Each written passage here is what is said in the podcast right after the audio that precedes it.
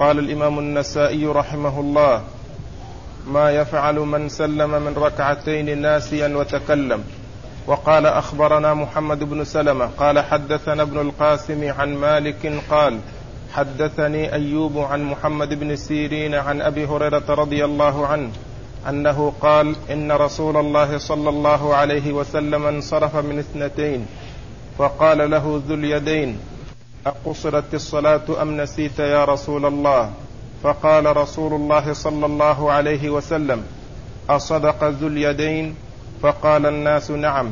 فقام رسول الله صلى الله عليه وسلم فصلى اثنتين ثم سلم ثم كبر فسجد مثل سجوده أو أطول ثم رفع رأسه ثم سجد مثل سجوده أو أطول ثم رفع. بسم الله الرحمن الرحيم. الحمد لله رب العالمين. وصلى الله وسلم وبارك على عبده ورسوله نبينا محمد وعلى آله وأصحابه أجمعين. أما بعد يقول النسائي رحمه الله باب من سلم من اثنتين ناسيا وتكلم. أه سبق أن مر الحديث الأول في هذا الباب. قد ذكر النسائي فيه جملة من الأحاديث وكثير منها من طريق أبي هريرة رضي الله تعالى عنه. وهذه الطريقة الثانية من حديث أبي هريرة رضي الله تعالى عنه هي بمعنى الطريقة السابقة وهو أن النبي عليه الصلاة والسلام صلى بهم فسلم من ركعتين وكان ذلك من نسيان وكان ذلك عن نسيان منه صلوات الله وسلامه وبركاته عليه. ولما كان الناس في زمن التشريع فكانوا يظنون أن الصلاة قصرت من أربع إلى اثنتين. ولهذا ما تكلموا في ذلك ظنا منهم أنه حصل قصر للصلاة. وقد خرج سرعان الناس والنبي عليه الصلاة والسلام قام من مصلاه بعد أن سلم من اثنتين وجلس إلى خشبة معروضة في المسجد.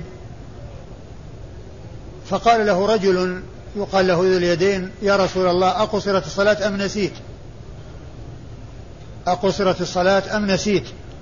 فقال عليه الصلاة والسلام لم أنس ولم تقصر ولم تقصر. ثم قال للناس أصدق ذو اليدين؟ قالوا نعم. وعند ذلك قام النبي عليه الصلاة والسلام فصلى ركعتين الباقيتان صلى الركعتين الباقيتين. ثم إنه سلم ثم سجد بعد السلام سجدتين.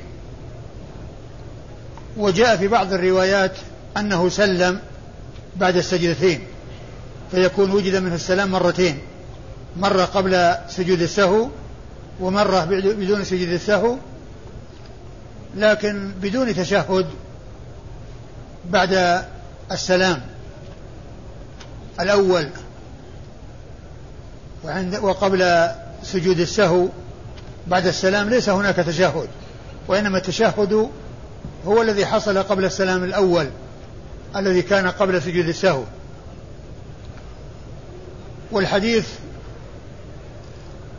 دل على أن السجود على أن السهو إذا كان عن عن زيادة في الصلاة فإن سجود السهو يكون بعد السلام. والزيادة التي هنا هي السلام الذي حصل في أثناء الصلاة.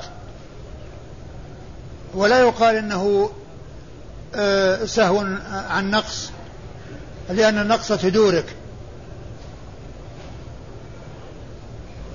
والسجود عن نقص يكون قبل السلام كما في حديث ابن بحينة الماضي. وإذا كان عن زيادة فيكون بعد السلام وهنا فيه زيادة. والحديث دال على حصول النسيان من الرسول عليه الصلاة والسلام وأنه يحصل منه النسيان. ولا يقال إنه معصوم منه. هو معصوم فيما يتعلق بالتبليغ. لا ينسى شيئا يبلغ إياه ولكنه ينسى كما ينسى الناس. كما جاء عليه الصلاة والسلام عنه عليه الصلاه والسلام أنه قال إنما أنا بشر أنسى كما تنسون. و ولهذا لما قال له ذو اليدين أقصرت الصلاة أم نسيت؟ قال لم أنسى ولم تقصر. يعني على على على ما يظنه ويعتقده وفي غالب ظنه أنه ما حصل منه نسيان. ولكن بعدما ذكر الصحابة مع ذي اليدين أنه قد نسي قام وأتى بالركعتين عليه الصلاة والسلام. والحديث كما قلت دال على أنه يحصل منه النسيان. ولكن ذلك لا يكون في أمور التبليغ. فلا ينسى شيئا من الشريعة أمر بتبليغه فهو لا يبلغه ولكنه يحصل منه النسيان كما يحصل من الناس كما جاء في هذا الحديث وفي غيره. وما جاء من أنه لا ينسى ولكنه ينسى ليسن هذا لم يثبت عنه عليه الصلاة والسلام فهو ينسى. ولهذا قال إنما أنا بشر أنسى كما تنسون. والذي هو منزه عن النسيان هو الله سبحانه وتعالى. هو الذي لا ينسى ولا ينام ولا يأخذه سنة ولا نوم ولا يحصل منه النسيان سبحانه وتعالى. بل علمه في غاية الكمال ولا يطرأ عليه نسيان. والرسول عليه الصلاة والسلام ينسى كما ينسى الناس ولكنه معصوم من أن ينسى شيئا مما أمر, أمر بتبليغه. ويبلغ الشريعة بلغ الشريعة على التمام والكمال. لم ينسى منها شيء ولم يكتم منها شيئا صلوات الله وسلامه وبركاته عليه. وأما إسناد الحديث فيقول النسائي أخبرنا محمد بن سلمة. ومحمد بن سلمة هو المرادي المصري. وهو ثقة أخرج حديثه مسلم وأبو داود والنسائي وابن ماجه.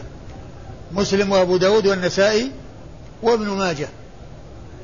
وهو ليس محمد بن سلمة وهو غير محمد بن سلمة الحراني لأن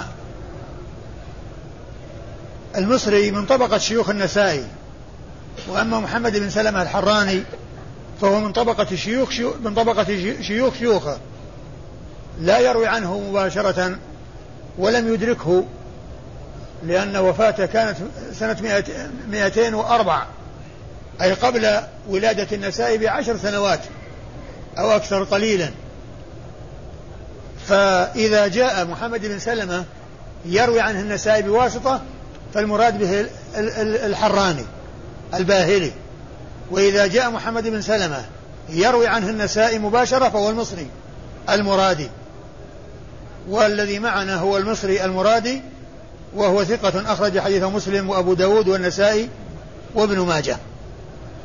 قال حدثنا ابن القاسم. قال حدثنا ابن القاسم وهو عبد الرحمن ابن القاسم المصري صاحب الإمام مالك الذي أخذ عنه الفقه والحديث وهو ثقة فقيه أخرج عنه البخاري وأبو داود في المراسيل والنسائي أخرج عنه البخاري في الصحيح وأبو داود في المراسيل والنسائي. عن مالك ومالك هو ابن أنس إمام دار الهجرة المحدث الفقيه الإمام المشهور أحد أصحاب المذاهب الأربعة من مذاهب أهل السنة. وحديثه عند أصحاب الكتب الستة. قال حدثني أيوب. قال حدثني أيوب وهو بن أبي تميمة السختياني. أيوب بن أبي تميمة السختياني وهو ثقة ثبت حجة أخرج حديثه أصحاب الكتب الستة. عن محمد بن سيرين. عن محمد بن سيرين البصري وهو ثقة حديثه عند أصحاب الكتب الستة.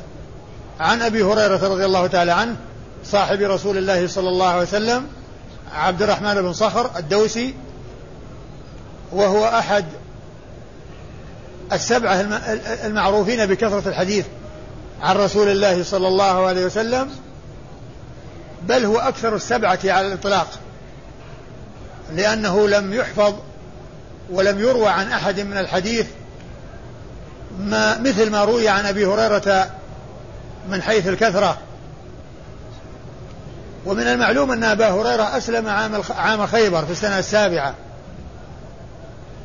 وقد بلغ حديثه أكثر من الذين كانوا ملازمين له وذلك لأسباب.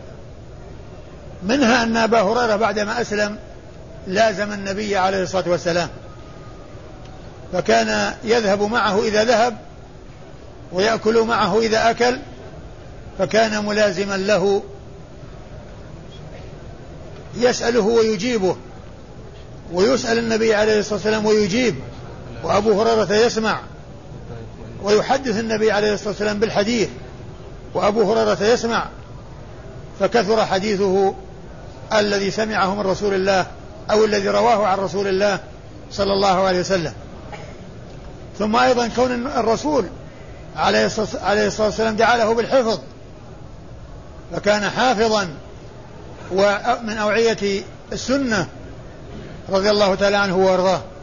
ثم أيضا سكناه في المدينة وبقاؤه فيها وهي يرد إليها الناس ويصدرون عنها في الأوقات المختلفة. ومن المعلوم أن أصحاب رسول الله عليه الصلاة والسلام يحرص الناس على لقيهم إذا قدموا إلى البلد الذي هم فيه فكانوا يأخذون منهم. ويعطونهم. ومن المعلوم أن الصحابي يروي عن الرسول صلى الله عليه وسلم مباشرة ويسمع من غيره الحديث فيرويه دون أن يضيفه إلى ذلك الذي سمعه منه والذي يسمى مراسيل الصحابة ومراسيل الصحابة حجة لأن المعروف عنهم أنهم لا يرسلون إلا عن الصحابة. والصحابة عدم ذكرهم أو جهالتهم لا تؤثر لأنهم كلهم عدول بتعديل الله عز وجل لهم وتعديل رسوله صلوات الله وسلامه وبركاته عليه.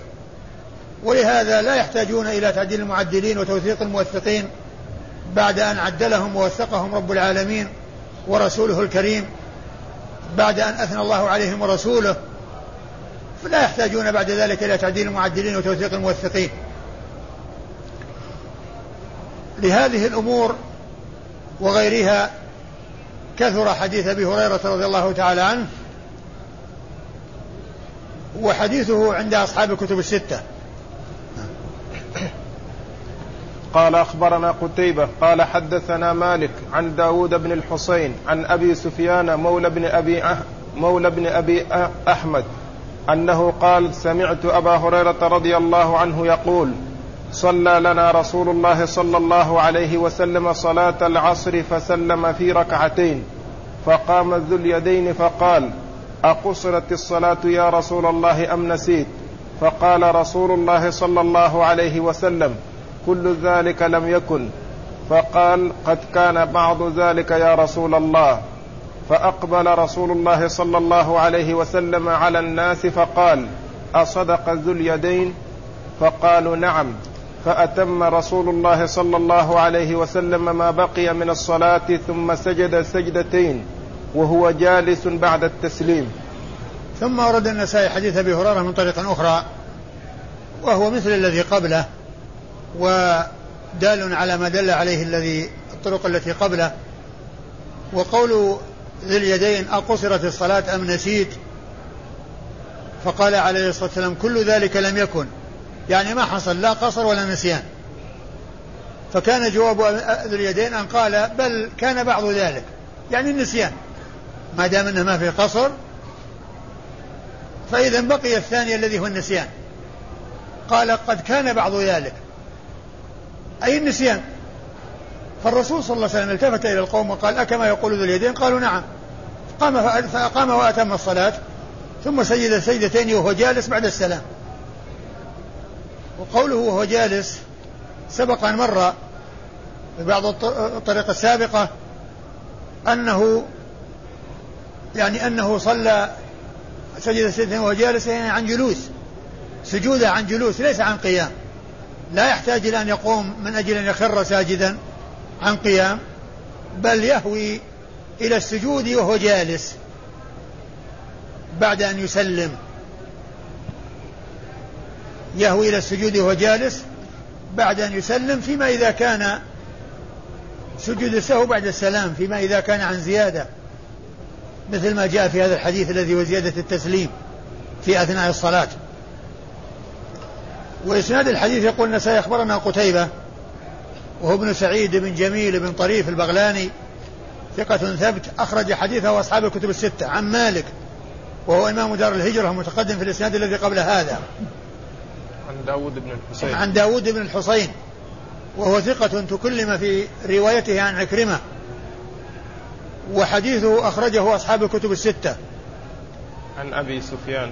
عن أبي سفيان ابن مولى بن أبي أحمد. أبي سفيان مولى بن أبي أحمد وهو ثقة أخرج حديثه؟ الجماعة. أخرج حديثه أصحاب الكتب الستة. عن, عن أبي هريرة. عن أبي هريرة رضي الله عنه وقد تقدم ذكره. هنا في هذه الرواية قال صلاة العصر وقد سبق. نعم وهذه الرواية فيها تحديد أو تعيين الصلاة وأنها صلاة العصر. وسبق في الرواية السابقة أن أبا هريرة لا يتذكر أي الصلاتين هل هي العصر أو الظهر.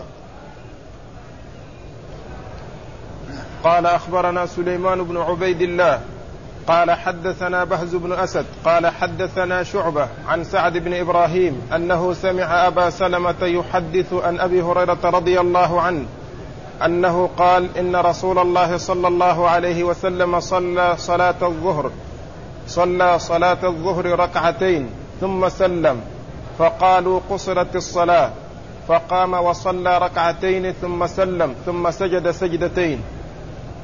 ثم ورد النسائي حديث أبي هريرة من طريق أخرى وهو مثل الذي قبله وفيه أنها الظهر. والقصة واحدة والنقصان كان في لركعتين فلا شك أن أن إحداهما يعني فيها وهم إما الظهر وإما العصر. وقد جاء في بعض الروايات أنها إحدى الصلاتين الظهر أو العصر. وجاء في بعضها أنها الظهر وجاء في بعضها أنها العصر. فكونها الظهر أو العصر على الشك ما في إشكال. قد تكون هذه وقد تكون هذه لكن الجزم بأنها الظهر أو العصر وهي واحدة منهما إحداهما فيه وهم. و والإسناد يقول أخبرنا سليمان بن عبيد الله. أخبرنا سليمان بن عبيد الله. أخبرنا سليمان بن عبيد الله وهو الحراني. نعم البصري. وهنا وهو البصري وليس الحراني. لأن هناك سليمان هنا عندكم سليمان بن عبد الله. أي نعم. نعم. هو سليمان بن عبد الله. وهو سليمان بن عبيد الله. سليمان بن عبيد الله. وليس سليمان بن عبد الله. وذلك أن في تحفة الأشراف سليمان بن عبيد الله. وفي آه وفي ترجمة بهز بن أسد ويروي عن بهز بن أسد. نعم نعم. وفي ترجمة بهز بن أسد في تهذيب الكمال أنه يروي عنه سليمان بن عبيد الله البغلاني البصري الغيلاني. الغيلاني. الغيلاني الغيلاني البصري. يروي عن سليمان بن عبد سليمان بن عبيد الله الغيلاني البصري. و يعني ففي تحفة الأشراف أنه بن عبيد الله وفي تهذيب الكمال أن أن بهز يروي عنه سليمان بن عبيد الله وما يروي عنه أحد يقال له سليمان بن عبد الله. وإذا فالذي آه، ففيه تصحيف من عبيد الله إلى عبد الله وهو عبيد الله مصغرا وهو البصري الغيلاني وهو صدوق أخرج له مسلم والنسائي. قال حدثنا بهز بن أسد. قال حدثنا بهز بن أسد وهو العمي البصري وهو ثقة ثبت أخرج حديثه أصحاب الكتب الستة. قال حدثنا شعبة. قال حدثنا شعبة وهو ابن الحجاج الواسطي ثم البصري المحدث الثقة الثبت الذي وصف بأنه أمير المؤمنين في الحديث وهي من أعلى صيغ التعديل وأرفعها.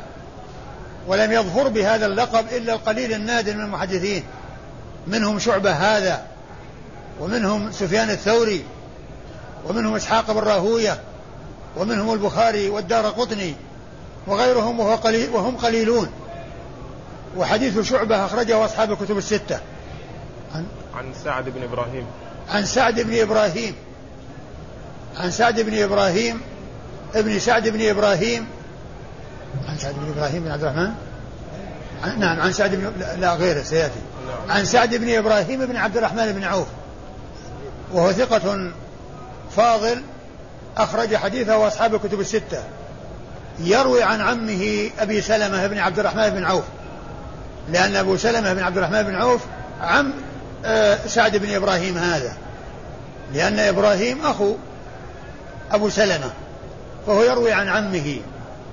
أبي سلمة ابن عبد الرحمن بن عوف وأبو سلمة بن عبد الرحمن بن عوف ثقة أخرج حديثه أصحاب الكتب الستة وعندكم سعيد عندكم نعم. النسخة سعيد وهي تصحيف وهو سعد ابن إبراهيم ابن عبد الرحمن بن عوف وعمه أبو سلمة أحد الفقهاء السبعة على أحد الأقوال في السابع من فقهاء أحد الفقهاء السبعة من فقهاء المدينة على أحد الأقوال في السابع منهم.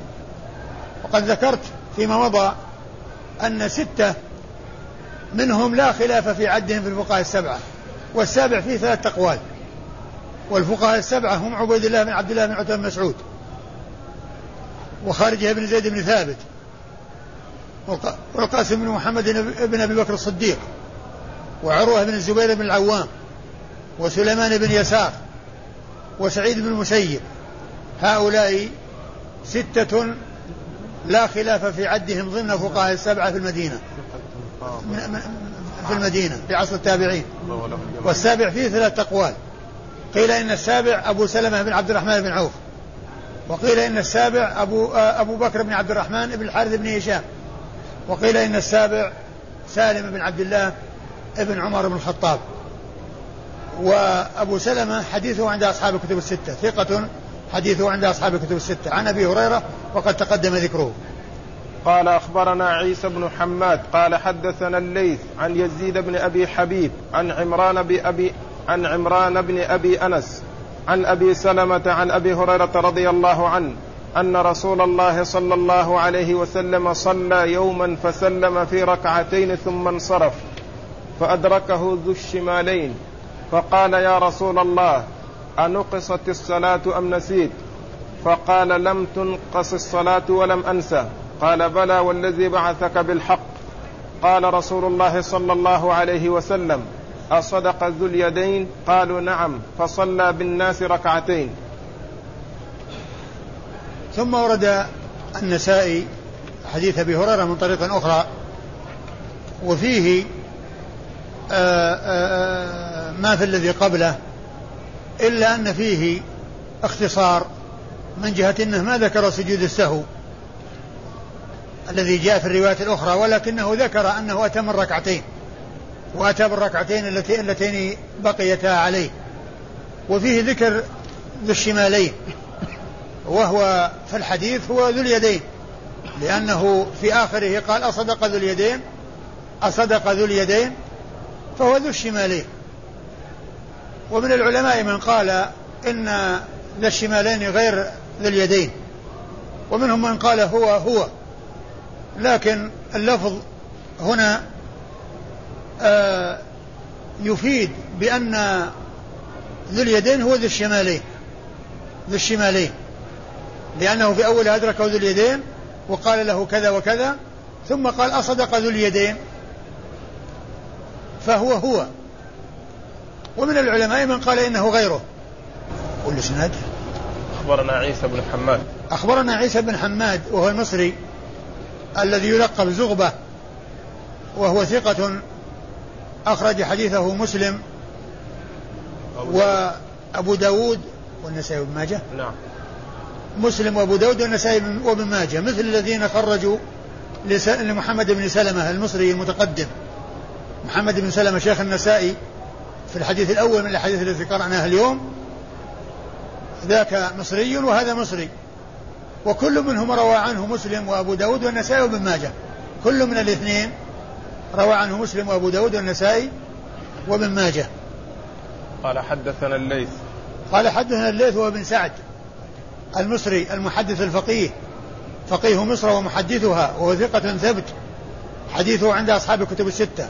عن يزيد بن أبي حبيب وهو المصري. وهو ثقة أيضا وحديثه أخرجه أصحاب الكتب الستة. عن عمران بن أبي أنس. عن عمران بن أبي أنس. وهو العامري قرشي ثقة. ثقة أخرج حديثه. البخاري في الأدب ومسلم أبو داود والترمذي والنسائي. وهو ثقة أخرج حديثه البخاري في الأدب المفرد ومسلم وأبو داود والترمذي والنسائي. عن أبي سلمة عن أبي هريرة. عن أبي سلمة عن أبي هريرة وقد مر ذكرهما.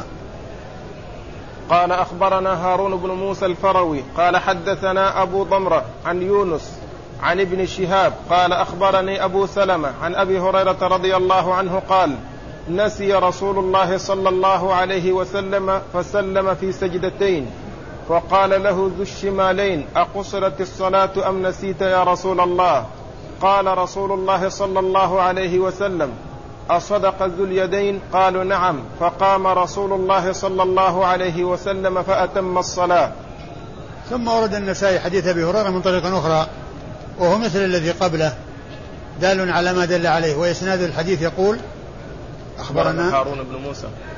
أخبرنا هارون بن موسى الفروي وهو إيش؟ قال لا بأس به.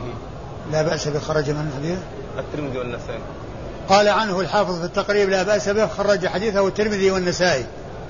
أيوة. قال حدثنا أبو ضمرة. قال حدثنا أبو ضمرة وهو آه أنس بن عياض وهو أنس بن عياض آه ثقة.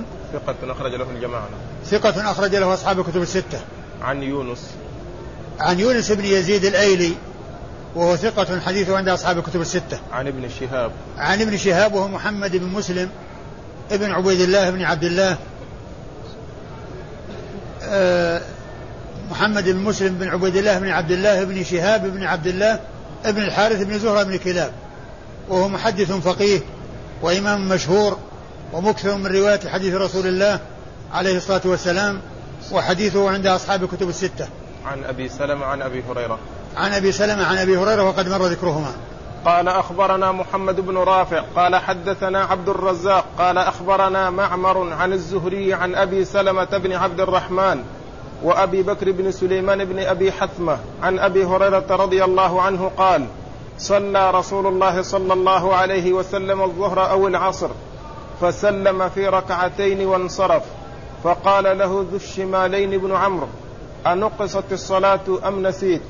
قال النبي صلى الله عليه وسلم ما يقول ذو اليدين. فقالوا صدق يا نبي الله. فأتم بهم الركعتين اللتين نقص. ثم ورد النسائي حديث أبي هريرة. نعم. حديث أبي هريرة من طريق أخرى وهو مثل ما تقدم إلا أن فيه تسمية أبي ذي اليدين وأنه ابن عمرو. وقال هنا أبو الشمالين وفي آخر الحديث قال ذو اليدين. ونسبه هنا نسبه فقال ابن عمرو. و والإسناد؟ أخبرنا محمد بن رافع. أخبرنا محمد بن رافع وهو القشيري النيسابوري. القشيري النيسابوري. هو مثل الإمام مسلم نسبا وبلدا لأن مسلم قشيري نيسابوري ومحمد بن رافع قشيري نيسابوري. وهو مكثر ومسلم أكثر من الرواية عن محمد بن رافع. أكثر من الرواية عن شيخه محمد بن رافع فهو من أهل بلده ومن قبيلته. وهو ثقة أخرج حديثه أصحاب الكتب الستة إلا ابن ماجه. أخرج حديثه أصحاب الكتب الستة إلا ابن ماجه. قال حدثنا عبد الرزاق. قال حدثنا عبد الرزاق وهو بن همام الصنعاني. آه ثقة حافظ مصنف وصاحب كتاب المصنف وهو وحديثه عند أصحاب الكتب الستة. عن معمر بن راشد الأزدي البصري وهو ثقة أخرج حديثه أصحاب الكتب الستة. عن الزهري. عن الزهري عن أبي سلمة. عن أبي سلمة وأبي بكر بن سليمان عن الزهري عن أبي سلمة وقد مر ذكرهما. عن والثاني؟ وأبي بكر بن سليمان بن أبي حثمة. وأبو بكر بن سليمان بن أبي حثمة. وهو وهو ثقة أخرج حديثه مسلم. الجماعة إلا ابن ماجه؟ الجماعة إلا ابن ماجه. أخرج حديثه الجماعة إلا ابن ماجه مثل مثل محمد بن رافع. مثل محمد بن رافع أخرج حديثه أصحاب الكتب الستة إلا من ماجه. عن أبي هريرة. نعم.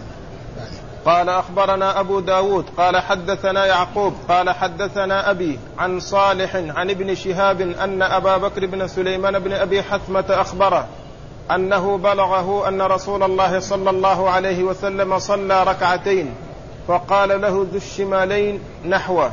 قال ابن شهاب أخبرني هذا الخبر سعيد بن المسيب عن أبي هريرة قال وأخبرنيه أبو سلمة بن عبد الرحمن وأبو بكر بن عبد الرحمن بن الحارث وعبيد الله بن عبد الله.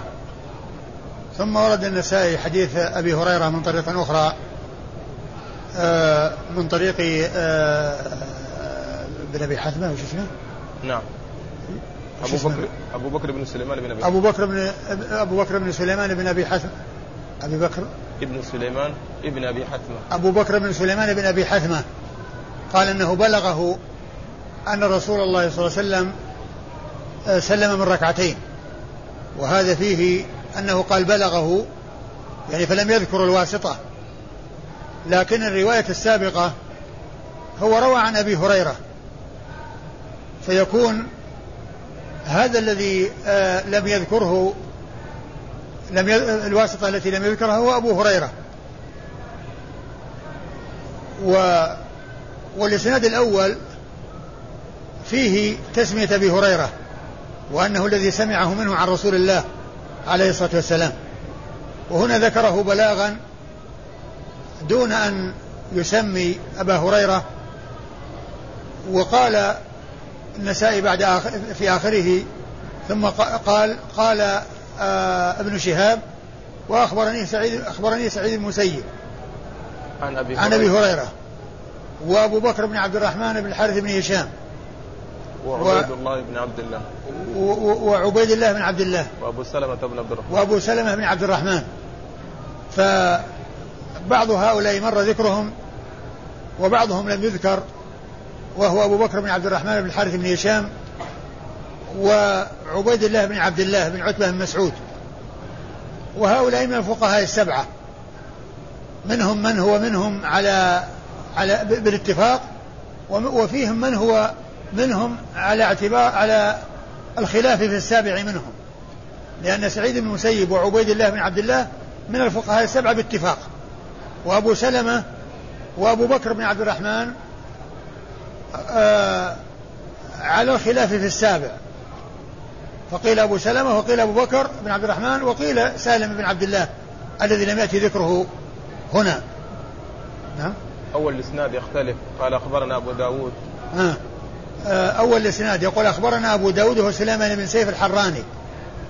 أبو داود سليمان بن سيف الحراني وهو ثقة حافظ أخرج حديثه النسائي. النسائي نعم.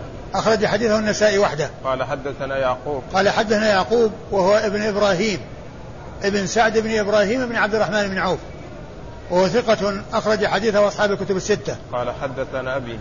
قال حدثنا أبي وهو إبراهيم ابن سعد بن إبراهيم بن عبد الرحمن وهو ثقة أخرج حديثه أصحاب الكتب الستة. عن صالح.